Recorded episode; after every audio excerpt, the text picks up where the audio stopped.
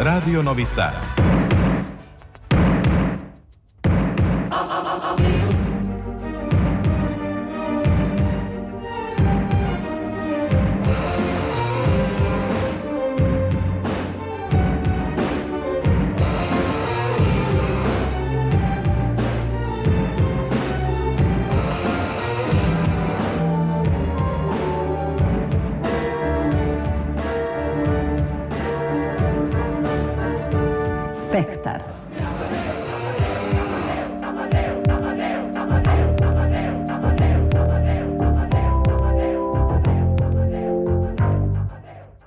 Spektar.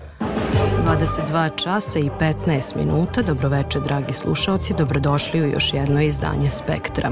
Ja sam Isidora Bobić, a u fokusu emisije ovoga puta 52. Međunarodni filmski festival u Beogradu, koji se završava koncem sedmice. Beležimo priče o filmovima Jorgovani Siniše Cvetića i još jedan dan Radivoja Raše Bukvića, kao i priču o posthumno objavljenoj knjizi odloženu za sutra čuvenog reditelja Zdravka Velimirovića. No bilo je uzbuljivih dešavanja u kulturi i mimo tog festivala. Najavljujemo i festival igre. Naime, Srpsko narodno pozorište spremno je da ugosti vodeće svetske plesne trupe. Novi roman Magdalene Blažević Sezona berbe predstavlja novosadskoj publici u knjižari Zenit. U poklon zbirci Rajka Mamuzića otvorena izložba savremene gra grafike Lutajući otisak. A u Galeriji Akademije umetnosti u Novom Sadu sedmicu obeležila izložba Ekologička skulptura. Pardon. Slušat ćemo i deo predavanja Vajara i akademika Mrđa, Mrđana Bajića, održano u Novosadskom ogranku Sanu, no najpre slušamo malo muzike.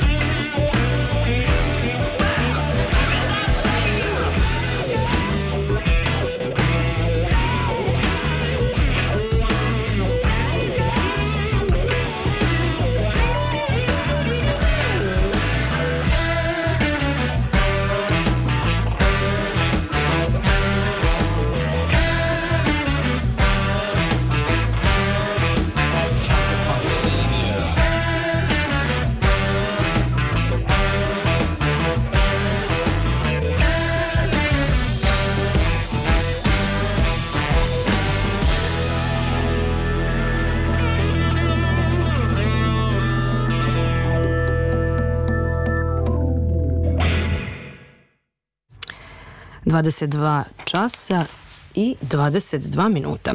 E, spektar otvaramo kao što smo najavili vestima sa 52. izdanja Beogradskog festa koji se završava u nedelju. Novosadska revija filmova sa festivala protiče u znaku premijera domaćih ostvarenja. Sutra će u bioskopu Arena Cineplex biti svečano prikazan film Marka Đorđevića za danas toliko, dok je u ponedeljak na programu poslednji film sa Žarkom Luševićem, ruski konzul Miroslava Lekića. U sredu u Novom Sadu gostovala je ekipa filma Jorgovani, reditelja Siniše Cvetića. O tome službom prilog naše Ivane Maletin-Ćorilić. Satirična crno-humorna komedija sa elementima drame demistifikuje svet filmske industrije i život umetnika. Radnja se odvija na dodeli nagrada za najbolju seriju. Glamur, svetlost reflektora i svečana atmosfera ne mogu da prikriju tenziju i nezadovoljstvo članova ekipe, čija ljubomora, spletke i frustracije tokom večeri izbijaju na površinu. Napetost još dodatno raste jer se svi nalaze u istom prostoru. Pratimo glumački par Igora i Katarinu u tumačenju Slobode Mićalović i Ivana Bosiljčića koji doživljava profesionalnu i emotivnu krizu. Film vrlo jasno razbija to idolopokloničko u našoj publici. Mi smo svi skloni da smatramo da su javne ličnosti neki uspešni ljudi, političari, sportisti, glumci, pevači, neki polubogovi i malo umemo da se kao narod osetimo inferiorno odnosno to. E, ovo pokazuje drugu stranu medalje i svi stajemo na istu crtu u ovom životu i svi imamo iste probleme kad se ugase kamere, spuste zavise. Ima glamura, ima crvenog tepiha, ima nagrada, ali verujte, u svojim domovima mi smo svi isti, mi smo ljudi. To je bila idealna teza da se ispriča sa Bobom, zato što smo i Boba i ja nekako u isto vreme doživjeli taj e, epicentar javne pažnje. I mi međusobno pre svega možemo vrlo otvoreno da, da pričamo o tome ko je kako to podneo. Ono što ja za nju mogu da kažem da je ona ostala zdrava u tome i da je u tom smislu prava za, za ovu ulogu koju igra, jer je iz jedne dobre, zdrave perspektive mogla da, da se našali na tu temu. Nakon 15 godina od šotinog filma Ranjeni orao, kojim su se proslavili Sloboda Mićalović i Ivan Bosiljčić ponovo dele kadar, ali u kompleksnijim ulogama, nastojeći da se publici prikažu u novom svetlu. I ovde mi možda najviše prija taj moment da gde sam mogla da, da, da, da odem negde dublje u nekim uslovno rečeno mraku, nešto što što uh, nisam ja bila. Ne, ne mogu da kažem, stalno pričam o tome šta ljudi očekuju, ali ja, ja isto očekujem od sebe da, da rastem kao glumica i da da nekako plovim u neke nove vode, neki novi žanr, neki novi karakteri. E, ovde sam tu imala stvarno tu mogućnost da, kako kažem, i zapevam i da um, budem duhovita i draga, s druge strane užasno mračna, drska, spremna da, da gazi preko svih, tako da vrlo je kompleksno, a sredstva moraju biti jako tanana i, i, i uverljiva da bi, da bi to bilo gledano da ne bude karikatura, što nikako nisam želela da bude. Film Jorgovani, inspirisan suđenjem Johnny'a Deppa i Amber Heard, rađen je sa namerom da postane bioskopski hit. Želja scenariste Davida Jakovljevića je bila da gledaoci uoče želju za osvajanjem nove slobode izraza u okvirima onoga što bismo nazvali komercijalnim proizvodom. Program Festa u Novom Sadu otvoren je svečanom projekcijom kratkometražnog filma Još jedan dan Radivoje Raše Bukvića. Pojavljivanje glavne glumice, legendarne Mire Banjac, novosadska publika ispratila je stojećim ovacijama kao njen govor koji je odjeknuo salom. Znate, godine su velike, ali ne moraju biti. Nažalost, mi smo zahvalni životu ja za ove godine koje su mi poklonjene. Ali uvek se zahvaljujemo životu kad nas on već napušta. Prosto treba biti uporan, strpljiv, voleti ono što nam je Bog poklonio. To je priroda, to je život, to su ljudi, to je kontakt sa ljudima. Ako ne sa ljudima, on će biti sa nekom pticom, on će biti sa, sa, nekom životinjom, psom, mačkicom, a će biti život. Neće biti jedna močvar, neće biti jedna usmrđena bara preko koje neko obilazi ili prelazi. Žive, radi. Rad je nešto što je mene održao. Apsolutno a o saradnji sa heroinom srpskog glumišta, o filmu Još jedan dan i samom značaju festa sa glumcem Radivojem Rašom Bukvićem razgovarala je Ivana Maletin-Ćorilić. Veoma dirljivo i emotivno veče na otvaranju programa Festa u Novom Sadu, premijera vašeg rediteljskog i scenarističkog prvenca Samiro Banjac. Uz koje mirine filmove ste vi odrasli i kako ste sada doživeli sa ove druge strane kamere? Pa nisu tu samo u pitanju filmovi, to su i pozorišne predstave. Ja sam kao dete jednostavno gledao Miru u, u raznim ostvarenjima. Pre svega sam bio oduševljen sa predstavom, naravno kao dete, um, ono što je bilo u ponudi 90-ih da se moglo gledati iz Sombora, to je bio Radovan treći, gde ona iznala naravno Katicu koja je ona fantastična jedna ženica koja, koja je isto nepokolebljiva i snažna. Ona je naravno u filmu Profesionalac da, tu sam jednostavno bio raspamećen i taj film gledam, ja mislim, jednom ili dva put godišnje. Pogledam ga čisto da, da se podsjetim tog duha koji nestaje nekako na ovim prostorima i onda da se nekako nadahnem. I tu su razni još drugi filmovi, ali jednostavno Mira je, Mira je, kako bi rekao, da joj dam pravi naziv, da je uporedim. Recimo Clint Eastwood, srpskog filma, jugoslovenskog filma, Clint Eastwood. Zašto Clint? Zato što se drži kao Clint Eastwood, ima tu snagu, ima tu volju, ima taj, taj moment radosti na sceni, radosti sa ljudima, ne znam, dirnut sam ja, ne znam, nemam pravih reči, pa onda malo i ulazim u digresiju. Kako je tekla ta vaša saradnja? Kako je raditi sa Mirom na setu? Vrlo lako, zato što samim tim što je ona prihvatila ulogu, ona je meni već olakšala 70% posla. Jer ja, ja sam samo mogao nju da pratim. Ja sam imao neke okvire u scenariju, ali ona jednostavno to, sećajući se svoje bake, ona je to malo modifikovala i mi smo napravili jednu baku našu zajedničku. U scenarističkoj konstrukciji to je moja baka, ali u njenoj izvodbi to je to je njena baka. U stvari se odnosi na sve te naše žene koje su održale sve naše porodice, jer ima jedna divna poslovica koja kaže, naša je poslovica, koja kaže da su žene tri zida kuće, a muškarac četvrti i to onaj prema komšijama. Mi smo u stvari formalni formalni zid, a ona je suštinski bazičan zid, tako da biti majka, biti baka, ja mislim, glavni noseći stub svakog društva je majka i baka. Pripremajući igrani film, došli ste do kratkog metra. Kako ste se odlučili za ovaj segment priče i za posvetu i svom detinstvu i baki? Zašto je to za vas bilo značajno da predstavite na festu koji vas kao glumca i reditelja oblikovao?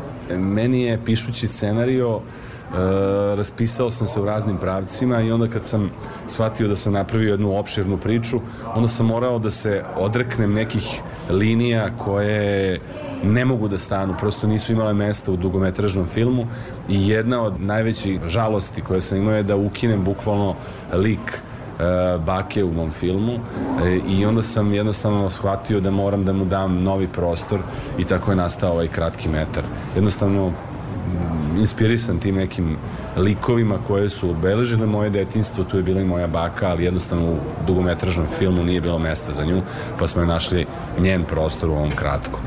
Ili možete da povučete paralelu između vas i Boška koji šalje jednu sliku baki iz inostranstva, je li vas taj odlazak odredio i vaš put? Znate kako, ja jesam Boško, ali svi mi smo Boško svi mi koji smo morali trbuhom za kruhom da idemo u neke druge zemlje, da napuštamo našu i odlazimo u neke, da kažem, bolje krajeve, sa šta je bolje, to je već sad za debatu, ali želeći da imamo neki bolji, kvalitetniji život, verujući da taj novac zaista može nešto da nam pomogne, mnogi ljudi su napustili svoja ognjišta i otišli. I zato su naše bake i deke ostali usamljeni i ostali bez te porodične ljubavi, isključeni iz zajednice. Ja sam uspeo da se vratim, eto. Ali Boško se na mom filmu nije vratio, kao što se ni mnogi nisu vratili, eto, to je, taj, taj element priče je posvećen njima koji su, eto, u rasejanju, koje želim da ohrabrim u stvari da ako i žele da se vrate, da se vrate, eto. Kakvu težinu za vas ima fest? Ili se sećate tih studentskih dana i tog prvog susreta sa velikim rediteljima, sa velikim filmovima? Kako da ne, fest je formirao moj ukus filmski, jer došavši iz Sombora, ja sam u stvari u Somboru mogao da gledam samo one filmove koji su bili na televiziji i one koji su bili u ove videoklubovima. A umetnički film, nažalost, ne završava u toj komercijalnoj prodaji, mislim tu pre svega na te VHS kasete koje smo mi trošili. I onda došavši u Beograd kao student, ja sam um, imao tu privilegiju u stvari da gledam film je prozor u stvari. Prozor u neke tuđe živote. I onda sam kroz te prozore posmatrao šta se dešava u bližnjim Mađarskoj, Rumuniji, a onda sam video neke filmove iz Danske koji su me oduševili. Posle toga francuske filmove koje nisam imao prilike da gledam. I jednostavno na festu sam formirao ukus kao i veći deo moje generacije i mislim da Mira je rekla malo pre da su festivali nužni ja stvarno mislim da su nužni ponavljam, ona je rekla da su skupi ali treba da budu skupi da bismo dali dovoljno prostora zasluženog prostora da se ta umetnost prikaže na najbolji mogući način. Hvala najljepše. Hvala vam –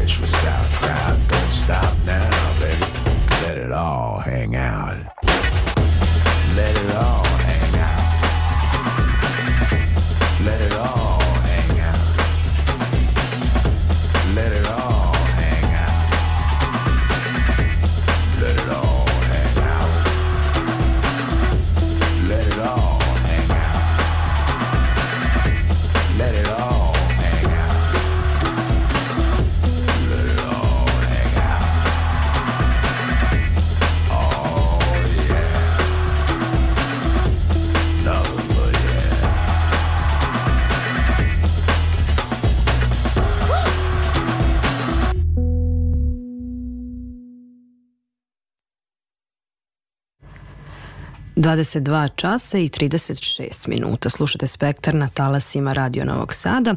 Sledi nam još jedna vest sa 52. festa u Beogradu. Povodom jubileja pola veka od filma Derviš i smrt održana je promocija knjige odloženo za sjutra Ranke Velimirović, supruge Zdravka Velimirovića koja je preminula pre objavljivanja knjige.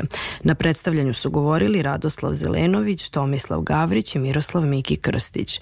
Zdravko Velimirović, autor je značajnih naslova jugoslovenske kinematografije poput ostvarenja Dorote i Lelejske gore i Vrhovi Zelengore. Razgovor sa Mladenom Velimirovićem, Zdravkovim sinom, koji je najzaslužniji što je knjiga našeg sineaste ugledala svetlost dana, vodio je Goran Vukčević. Mladen Velimirović, e, sin Zdravka Velimirovića i Ranke Velimirović, koja je autorka knjige o svom suprugu i velikom filmskom umetniku Zdravku Velimiroviću odloženo za sjutra. Hvala gospodine Velimiroviću što ste odvojili vreme za Radio Novi Sad. Kakve su vaše emocije kada sada knjiga e, se prezentuje javnosti s obzirom da je to nešto što se tiče vaše porodice, a i istorije kinematografije na ovim prostorima?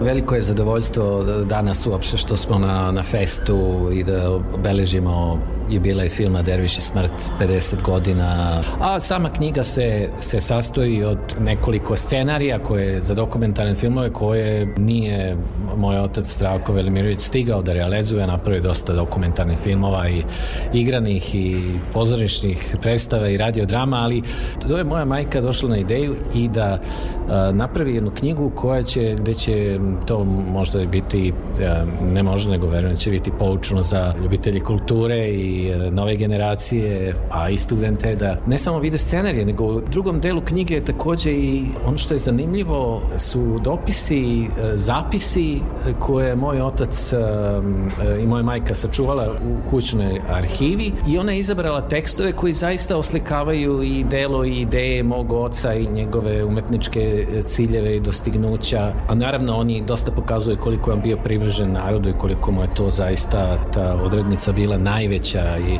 kroz te zapise koji su u knjizi može se vidjeti puno i nekih prepreka na koje je nailazio da bi dostigao ono što je dostigao. A ja sam, pitate za emocije, veoma ponosan na njih i, uh, i ovo, ovo govorim u ime porodice i ime udruženja Zdravko i Ranka Velimirović i porodice i udruženje nastavljaju održavanje njihovog dela, a njihovo delo je održavanje dela jedne naše kulturne baštine našeg naroda. Znači nije samo da, da održavamo delo Zdravka Nemirovića, nego podržavamo i ono što je on a, ostavio narod. Vaša majka je uspela da dovrši knjigu, izna da je napustila ovaj svet u vreme pandemije, ali eto, vi ste, vi ste imali zaokruženo delo. Dosta je metodično radila i uh, genetike naše... ga je u dušu. Ne? Da, tako je, tako je. Oni su je zaista funkcionisali zajedno u svemu i zajedno radili i na velikim delima i ona je veliki pogon njemu bila u životu i podrška. Ja se nadam da će biti prilike se napravi jedna monografija, s obzirom da je moj otac Zdravko dosta radio i sa inostranstvom. Njegovi filmovi su uopšte po festivalima čak i dalje idu, bili na Kanu. U Kanu je bilo pre dve godine, nakon 60 godina, dan 14 ponovo u selekciji klasik, veoma ugledno. Koji je, nažalost, čitavim generacijama ostao nepoznat. Da, da. I taj film je isto restauriran. Ja se nadam da će film Dorote biti restauriran. I nadamo se toj monografiji koja će biti na engleskom jeziku. Jer, e, kako i mnogi daju neke sugestije, da je to jugoslovenski, srpski, uh, crnogorski i uopšte čovjek koji je znači,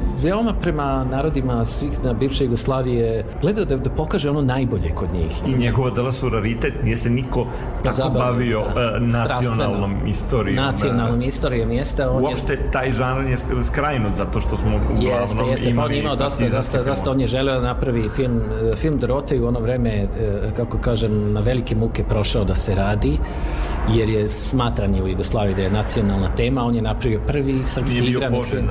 Srpski, prvi sr, igrani film koji je te, na temu Srbija srednji vek. Kasnije je pokušao i radio dugo na scenariju uh, i pripremama za film o caru Dušanu, Dušan Silni. To mi je poznato, tako. A, međutim, a, film je trebao bude, da krene, ali je film bio na nađen je način od strane uticajnih uh, struktura da se taj film zaustavi. Meni je jako žao. On je toliko strastveno obrađivao tu temu. Hvala vam najlepše što ste govorili za uh, Radio Novi Sad. Hvala vama.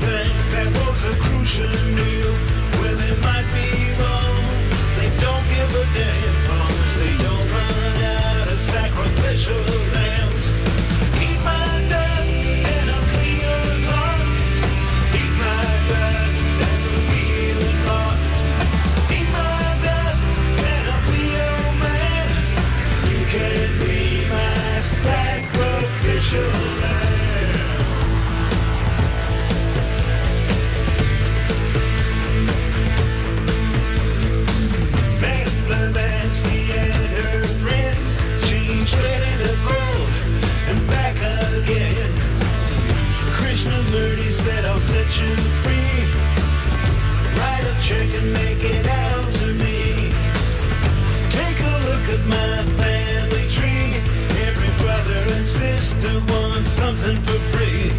You get what you pay.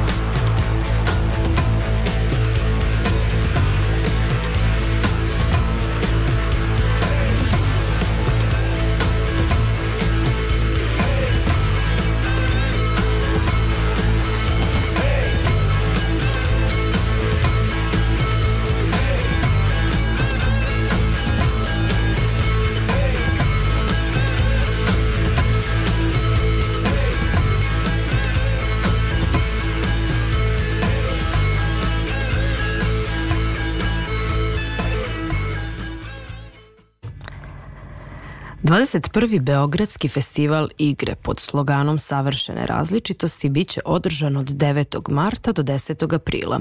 Publici u Beogradu i Novom Sadu predstavit će se 19 trupa iz 14 zemalja sveta.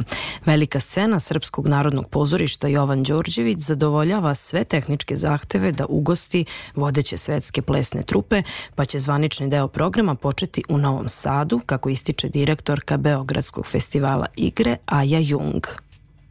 Otvaranje je 8. E, marta e, sa predstavom kompanije igre iz Geteburga i istu predstavu ponovit ćemo u različitom, samo malo različitem terminu, ona počinje u 19 časova 9. marta na, na sceni Jovan Đorđević Srpskog narodnog pozorišta u Novom Sadu. Izuzetno sam srećna da nam se vraća ova trupa.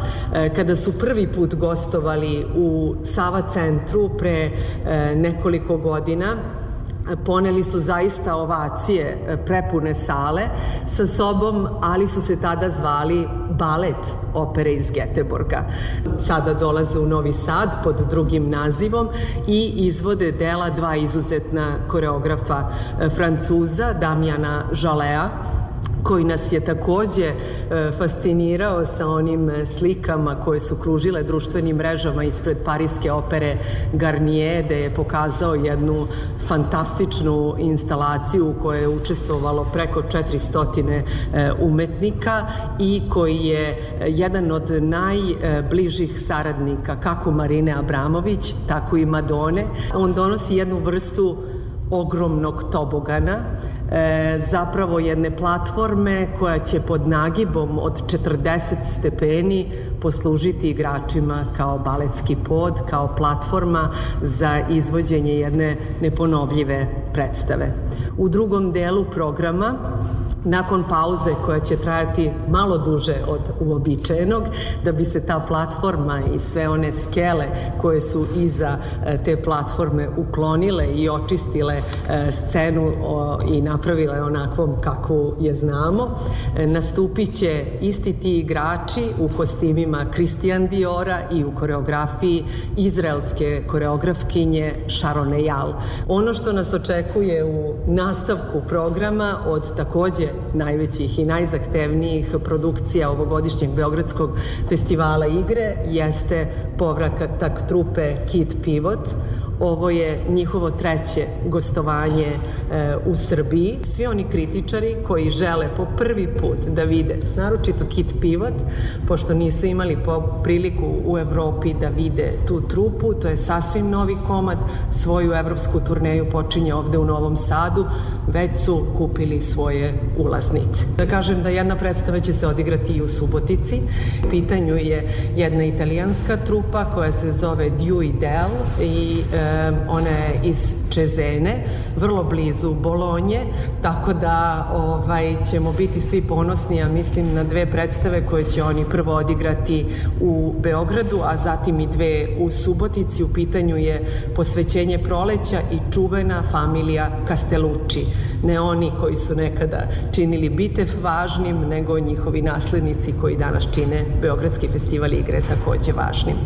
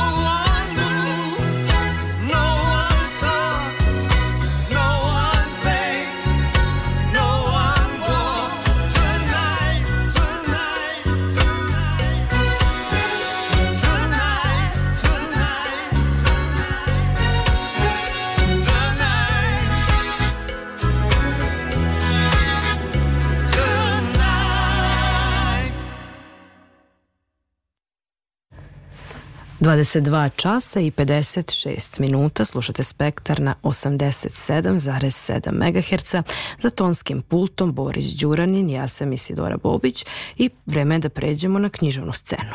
Knjižara Zenit u Novom Sadu ugostila je mostarsku književnicu Magdalenu Blažević, dobro poznatu čitalačkoj publici širom regiona.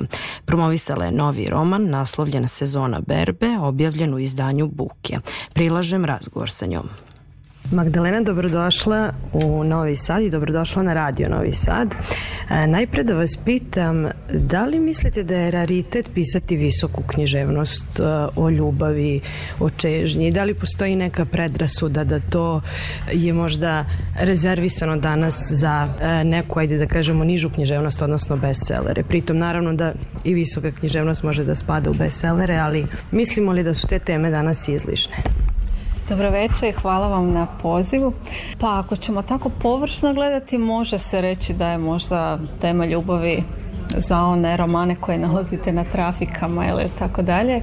Ja sam zapravo namjerno išla u tom smjeru, htjela sam se uhvatiti takve teme i napisati nešto malo drugačije. To zapravo moram priznati da moj roman jeste ljubavni, ali poslije veliko ali, on je zapravo roman o napuštenim prostorima, o teritoriju za kojeg smo se nekada borili ginuli, sad ga napuštamo i o ženskom iskustvu rata, o prije svega temama koje mene odavno progone, to jeste prije svega iskustvo žena u logorima, silovanje žena u ratu ovom posljednjem i činjenica da su te žene poslije rata vrlo lako na ulici mogle sresti muškarce koji su ih zlostavljali u ratu. To je, um, općenito me u književnosti zanima žensko iskustvo rata i dječja perspektiva. To je nešto što mi je bilo važno mi je pisati o tome zato što oduvijek o tome razmišljam. A, tako da i ovaj roman, on je se samo na površini ljubavni, ali ispod toga se kriju neke vrlo važne, meni vrlo važne teme. Mislim da, da, ovaj, da je to ono što je i najvažnije reći za sezonu berbe.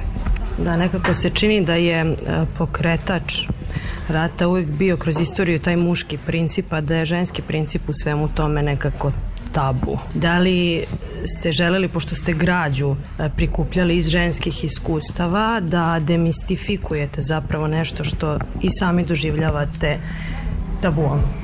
Jedina zadaća koju ja imam kad pišem jeste da napišem dobru književnost. A ne razmišljam o tome da ja moram nešto učiniti sa svojom knjigom, da ona treba nešto poručiti, nekoga nečemu naučiti. U književnosti se treba uživati i jednostavno ona ako bude djelovala na nas, na, na nas ili vas na bilo koji način da osjetite bilo šta, ona je svoju zadaću postigla.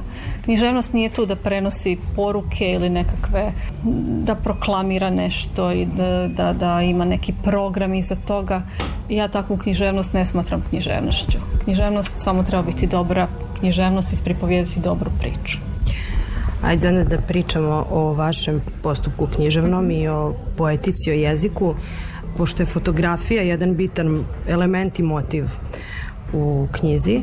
Da li ste možda uh, pretpostavljam da jeste uskladili književni jezik i jezik fotografije, odnosno kako su oni ne, e, sponi, možda poetički? Ja bih rekla da sam ja uskladila filmski jezik i književni, to jeste bila moja ideja i na neki način tako pišem.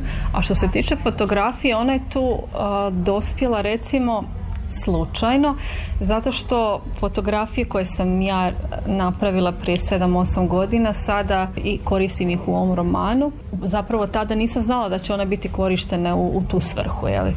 nego sam bila oduševljena na neki način napuštenim prostorima napuštenim kućama kojih ima jako mnogo u selima oko gradića u kojem sam ja odrasla i Zapravo me fascinira činjenica da vi možete ući u kuću koja je napuštena prije 30 godina, koja je potpuno namještena i da možete rekonstruirati nečiji život.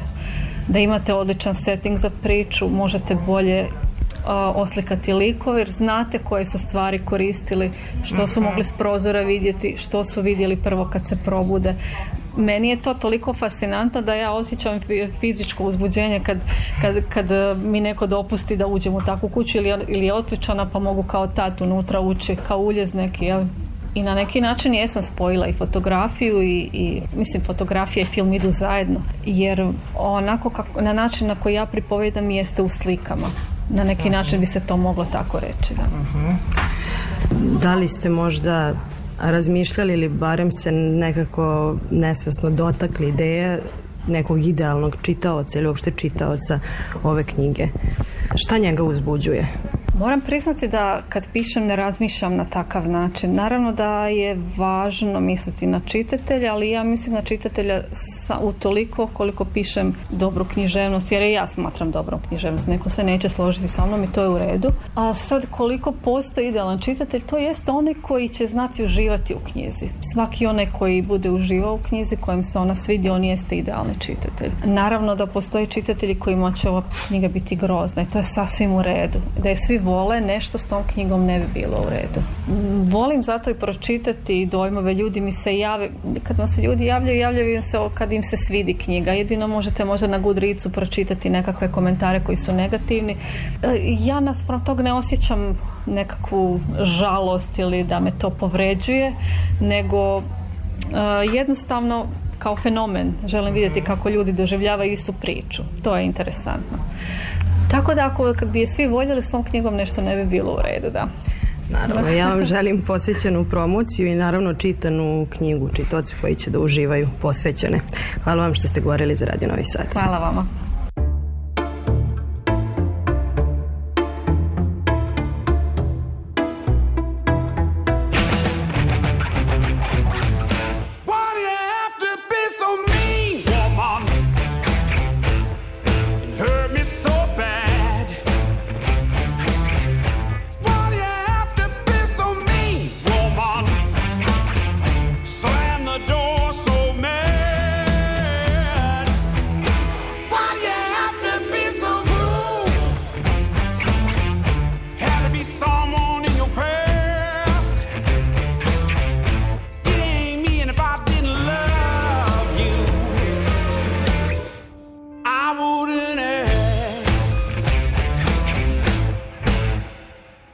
Was I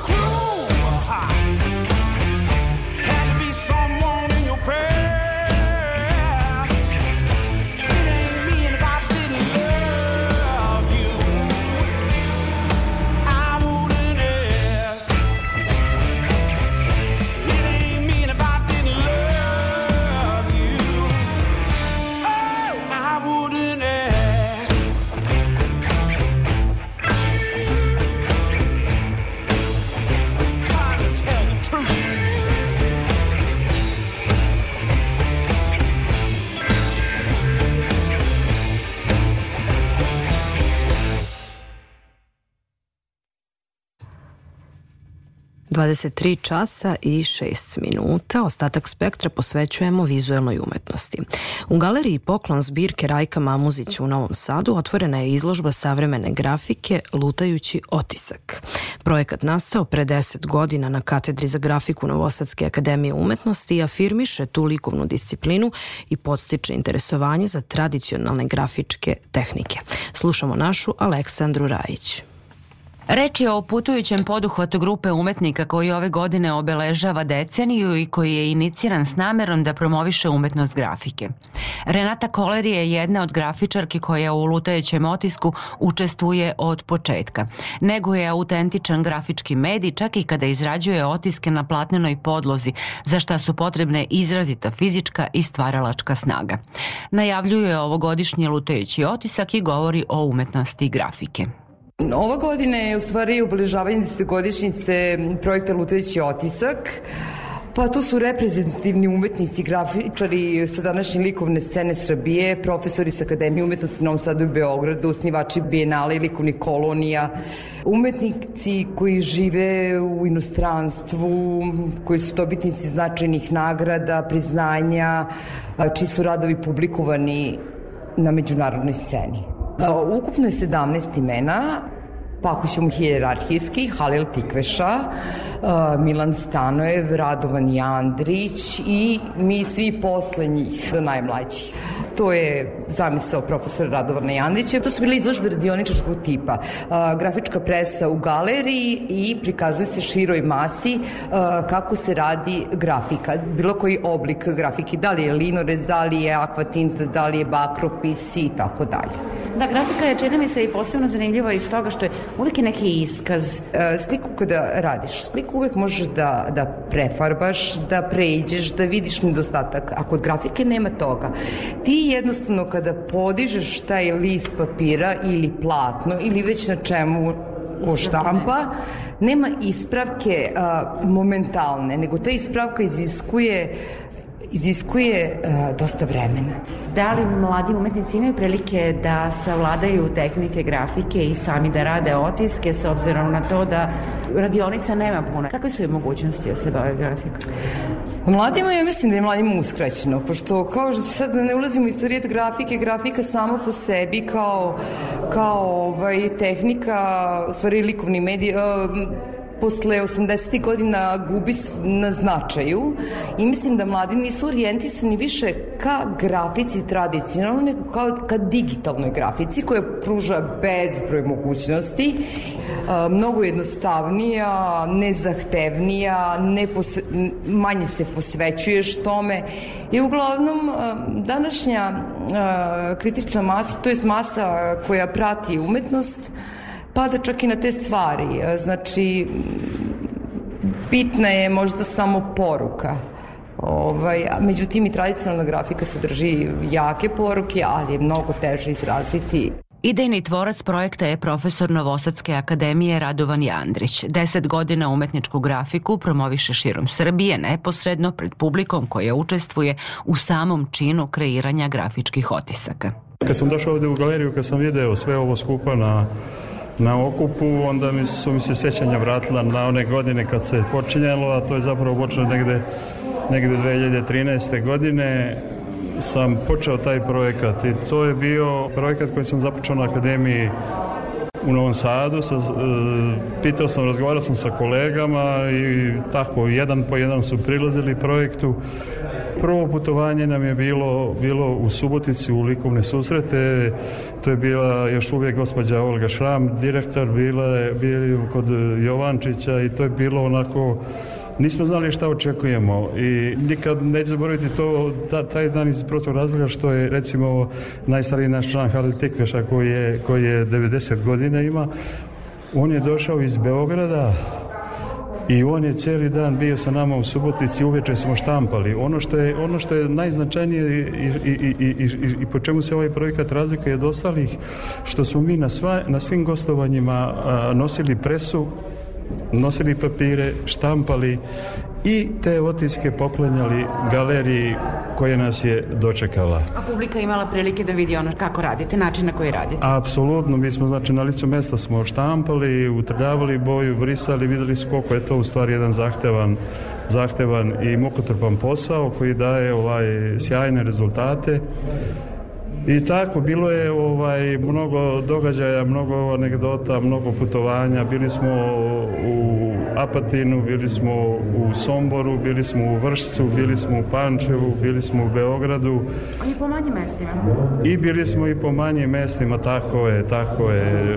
Vrbas, pa je, smo išli u Opovu smo bili kod našeg dragog pokojnog prijatelja Paje, Paje Dečova i tako bili smo zapravo, bili smo voljni da idemo, a da ne kažemo da smo mnogo puta učestvovali smo na Zmajevim dečkim igrama gde smo po školama smo išli, držali to predavanje, prezentaciju i tako, to je sad, ovaj, sad kad, kad to vidim, vidim da je to sve imalo smisla i da je to sve bilo onako ovaj, nešto što je vredilo. Ove prvih deset godina projekta imate li snage, ideja, volje da nastavite to i narednih deset godina u tom tempu? Pa i svakako imam, imam ideju jednu koju nameravam da, da, kako bih rekao, taj projekat bi ostao lutići otisak, ali bi ga ovaj, radio na jedan način poput starih vremena gde ne bi putovalo nas petoro, šestoro, sedmoro, osmoro, nego bi ja sa, ako bi Halil poživio, da mu Bog da zdravlja, da bude i da nas dvojica, recimo evo vama otkrivam prvi put, recimo da, da nabavim taj mali pick-up i da imam presu u pick-upu i da, i da imamo, onda dođemo u selo i kao neka što su dobošari oglašavali. o, Putujući grafičari. putujući grafičari, e, divno ste rekli, e, onda bi tako i daje se na znanje da će tu i tu, da će biti to i to i da će se održati i da se pozivaju ljudi da dođu, eto to mi je ovako želja i sada ja znam, siguran sam da će on hteti, zato sam siguran, ako će on hteti sa 90, onda ću ja sa, sa, sa svojih 71 i tako da ideja nikad ne nedostaje. Jedino treba širiti taj optimizam, optimizam, širiti tu snagu i volju i želju, jer trebamo biti sretni što možemo to da radimo. A publika voli A publika to obožava. Na izložbi u poklon zbirci Rajka Mamuzića predstavljen je spektar tehnika umetnosti grafike od klasičnog drvoreza do nekih neuobičajenih kakva je nekad standardna cinkografija ili kolografija. Izložba je otvorena do 13. aprila.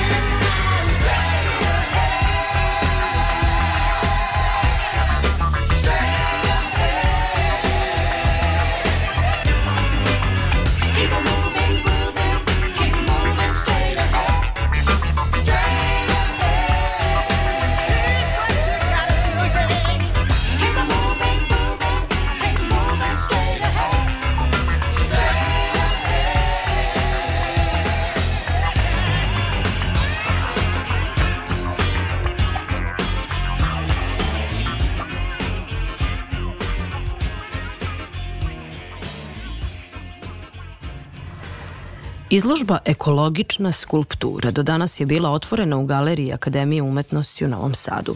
Predstavljeni su radovi nastali kao rezultat projekta realizovanog u saradnji Katedre za inženjerstvo materijala Tehnološkog fakulteta i Katedre za vajarstvo Akademije umetnosti u okviru specijalističkih studija skulptura u terakoti. Saradnja je bazirana na težnji da se poboljšaju svojstva materijala terakote i prilagode upotrebi u domenu skulpture. Tokom istraživanja korišćen je crveni mulj, industrijski otpad koji nastaje kao nus produkt pro proizvodnje aluminijuma i koji je kao takav izuzetno toksičan. I različite vrste letećeg pepela, čim dodavanjem glini nastaju novi likovni kvaliteti, kako kaže Mirjana Blagojev sa Akademije umetnosti, pa prilažemo razgovor sa njom. Rekla bi se da su se ovde srećno susreli jedan naučni pristup materijalima i umetnički izraz. Zanima me u čemu su to studenti Tehnološkog fakulteta bili nasušni studentima Akademije umetnosti i obrnuto. Ovo je u stvari jedna sjajna prilika da se vidi šta može da se napravi kad se spoje na, nauka i umetnost nešto donese jednima i drugima. Ovo je plod jedne dugogodišnje saradnje koju mi već e, negujemo između katedre za inženjerstvo materijala na Tehnološkom fakultetu i katedre za vajarstvo, e, gde mi radimo sa glinom, odnosno terakotom kao jednim od osnovnih materijala, a oni rade tehnologiju keramike. Ta saradnja je trajala kroz različite neke e, konsultacije sa studentima, a ono što smo ovim projektom želeli da ukažemo jeste u stvari jedna ideja koja je došla tako što smo došli do zaključka da industrijski otpad koji oni prerađuju može da se kombinuje sa glinom i da na taj način u stvari možemo da rešavamo jedan problem koji je i ekološki, koji je jedan problem ključan za današnju društvenu sredinu i da to nekako probamo da primenimo, pravimo umetničke radove. E sad, e, studenti su se uključili e, na taj način da su studenti Tehnološkog fakulteta došli kod nas da vide šta radimo, mi smo išli na Tehnološki fakultet da vidimo šta oni rade i onda su sva njihova znanja, u stvari koje oni posjeduju tim materijalima, se spojila sa ovim šta mi radimo s tim materijalima. I onda smo se dogovorili da uzmemo kalupe, to je jedan tradicionalni način građenja skulpture i da studenti isprobavaju u tim kalupima da rade svoje radove radovi koje ste videli ovde, ovi manji komadi, da imamo jedan zid od cigljica, u stvari, to su probe koje su oni vršili sa e, upotrebom otpada pomešanog sa glinom. Oni su na osnovu tih proba e, uradili velike komade. E, Čekaj, oni imaju neki estetski domet, ne bi se ovako reklo na oko da je to proba. Da, da, da. Pa to, tome smo težili u stvari da, e, kako i sama tema izložbe projekta, u stvari e, nagomilavanje, otpad, nagomilavanje, onda smo mi ovde rešili da napravimo puno predmeta koji u stvari predstavljaju neke eksperimente, ali koji svi zajedno mogu da čine e, zidne instala, umetničke instalacije. Da li je na neki način opasno raditi sa tim otpadnim materijalima? Da li je potrebna neka zaštitna oprema u toj umetničkoj obradi? Da. To jeste ono što je dobro pitanje. Uopšte za društvenu zajednicu je ovako nešto jako značajno zato što primjena rezultata koje smo mi ovde dobili može da se upotrebi u izgradnji skulptura u terakoti koje mi negujemo na našoj akademiji jer imamo saradnju sa Terom iz Kikinde koji e, imaju tradiciju izgradnje skulptura u terakoti. Ovi otpadi koje smo mi sad krenuli da dodajemo čine jedan korak dalje A e, sami ti otpadi, znači to nije nešto što smo mi e, uzeli pa koristili otpad, nego su to tehnolozi koji imaju prerađen otpad, tako da je to potpuno bezbedno za korišćenje. Znači oni su e, razvijali tehnologiju prerade otpada koji bi mogao da se upotrebljava, tako da, da u stvari te sirovine s kojima smo mi radili su bezbedne za rad. Nije, nije bila potrebna neka dodatna zaštita.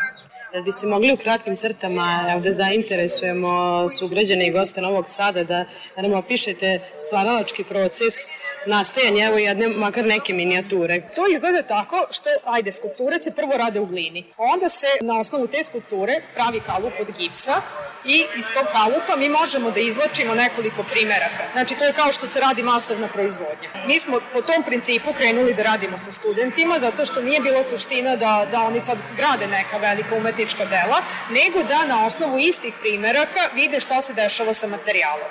Zato su oni utiskivali tu glinu pomešanu sa različitim otpadima i mi imamo e, primerske skulptura koje su rađene iz jednog kalupa, ali koje su opet potpuno različite i svaka ima neku svoju priču. Za kraj jedno pitanje, šta biste rekli u doba savremene tehnologije i savremene umetnosti, e, te multidisciplinarnosti, kakav je status e, skulpture?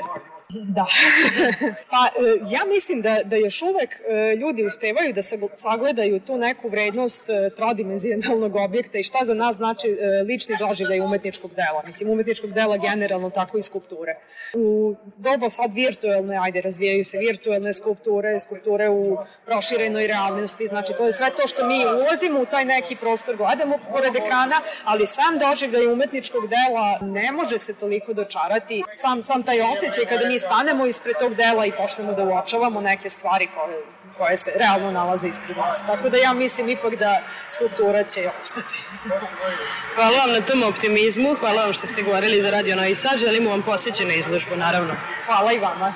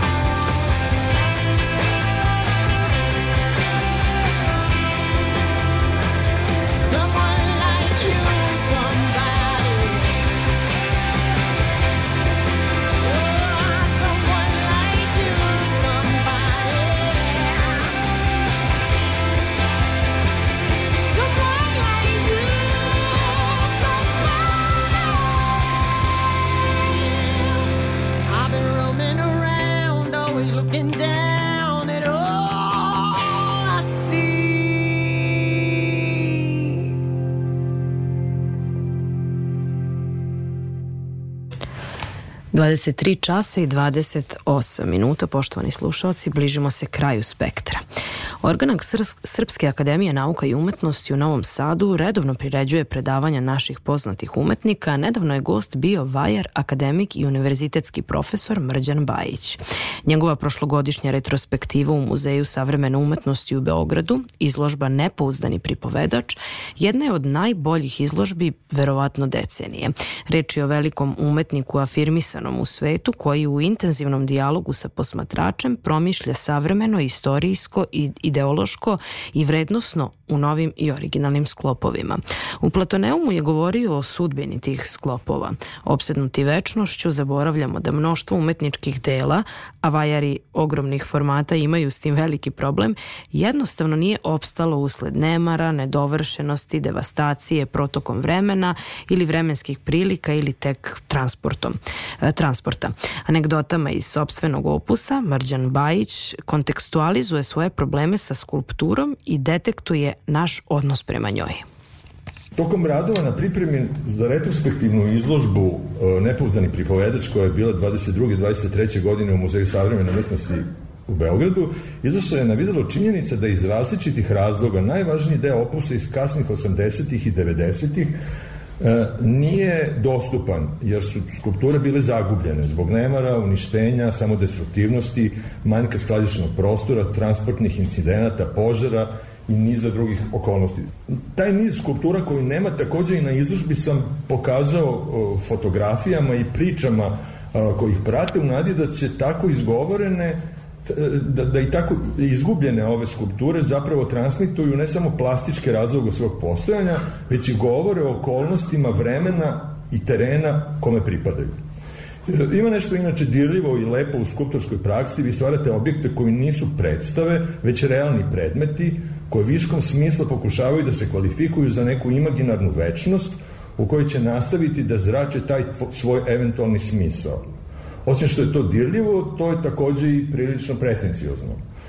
Zamislite da sve skulpture koje čovečanstvo proizvelo i danas postoje, svi oni heroji, diktatori, kraljevi, sve one snene žene i kameni bilderi, postamenti i visoka postolja koja nose ozbiljne, uglavnom brkate i uglavnom muške portrete. Ne bismo imali kuda da se krećemo od svih tih skulptorskih lejera, tako da je priča o ovom nizu uh, napravljenih pa zagubljenih skulptura u stvari nije nikakva žolopojka, već je to moj mali doprinos sveopštom raskrčavanju skulptorskog terena, jer šumski požari, osim što su strašni, oni u stvari otvaraju teren za novo drveće. U drugom smislu i u drugom delu, obzirom da skulptura govori realnim prisustvom u prostoru posmatrača, ona ne mora biti bukvalno uništena da bi odsustovala. Dovoljno je da je rasklopljena i u depou, dovoljno je da je nedostupna direktnoj komunikaciji, dovoljno je da je izmaknuta iz konteksta za koji je napravljena, pa da je ona zapravo amputirana od svog jezičkog koda i tako zapravo zagubljena. Kao muzika koja se ne izvodi ili kao film pohabane kopije. Dakle, tema ove priče je zapravo razjašnjavanje motivacionih i tehničkih procedura skulptorskih praksi koje dovode do nastanka skulpture, a zatim i procesa koji vode do njenog delegitimizovanja i svakovrsne zagubljenosti Ovo je 3 metra dugačka skulptura Korito iz 85. godine koju sam radio direktno u glini na podu bez ikakvih konstrukcija iz delova koji su bile prilagođene tadašnjoj keramičkoj peći i koja je zatim nedeljama pečena.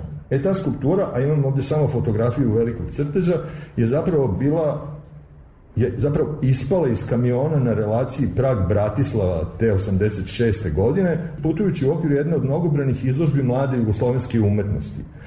Prilično se polupala, u stvari se nepopravljivo polupala, nije bila osigurana i tako je ostala zagubljena u tim nastupima poslednje generacije mlade jugoslovenske umetnosti zapravo ja sam jednu, jednu trenutku tako ovaj, polomljeno jednostavno bacio.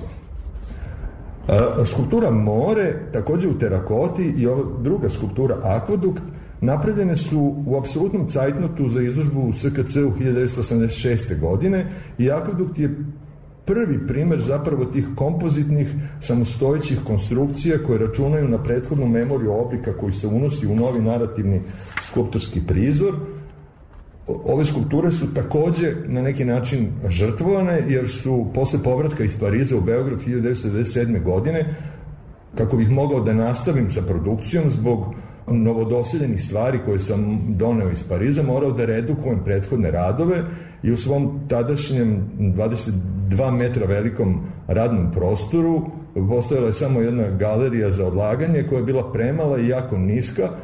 Ove skulpture jedna je bila preteška da se popne tako visoko, a druga je bila preglomazna da a, stane na tu gornju policu i ja sam ih u jednom trenutku, što bi rekli, ladno bacio u kontejner. Poslednja vest u Spektru stiže nam iz Zrenjanina, ali najpre da podsjetimo da ovog meseca Užice preuzimaju titulu nacionalne prestonice kulture od Čačka, a Ministarstvo kulture i informisanja saopštilo je da će je za 2025. poneti Zrenjanin. Meandri grada, tokovi kulture, poetičan je naslov koncepta kojim je Zrenjanin predstavio svoju kandidaturu, a koji podrazumeva 50 novih umetničkih i kulturnih sadržaja i 10 velikih infrastrukturnih projekata u oblasti kulture. Pozdrav za Zrenjanince i Zrenjaninke, a pozdrav i za sve vas, dragi slušaoci, koji ste u ove sitne sate sa nama na 87,7 MHz. Bio je to još jedan spektar prvog programa radija, radio televizije Vojvodine. Za tonskim pultom bio je Boris Đuranin, pred mikrofonom Isidora Bobić. Želimo vam mirnu noć.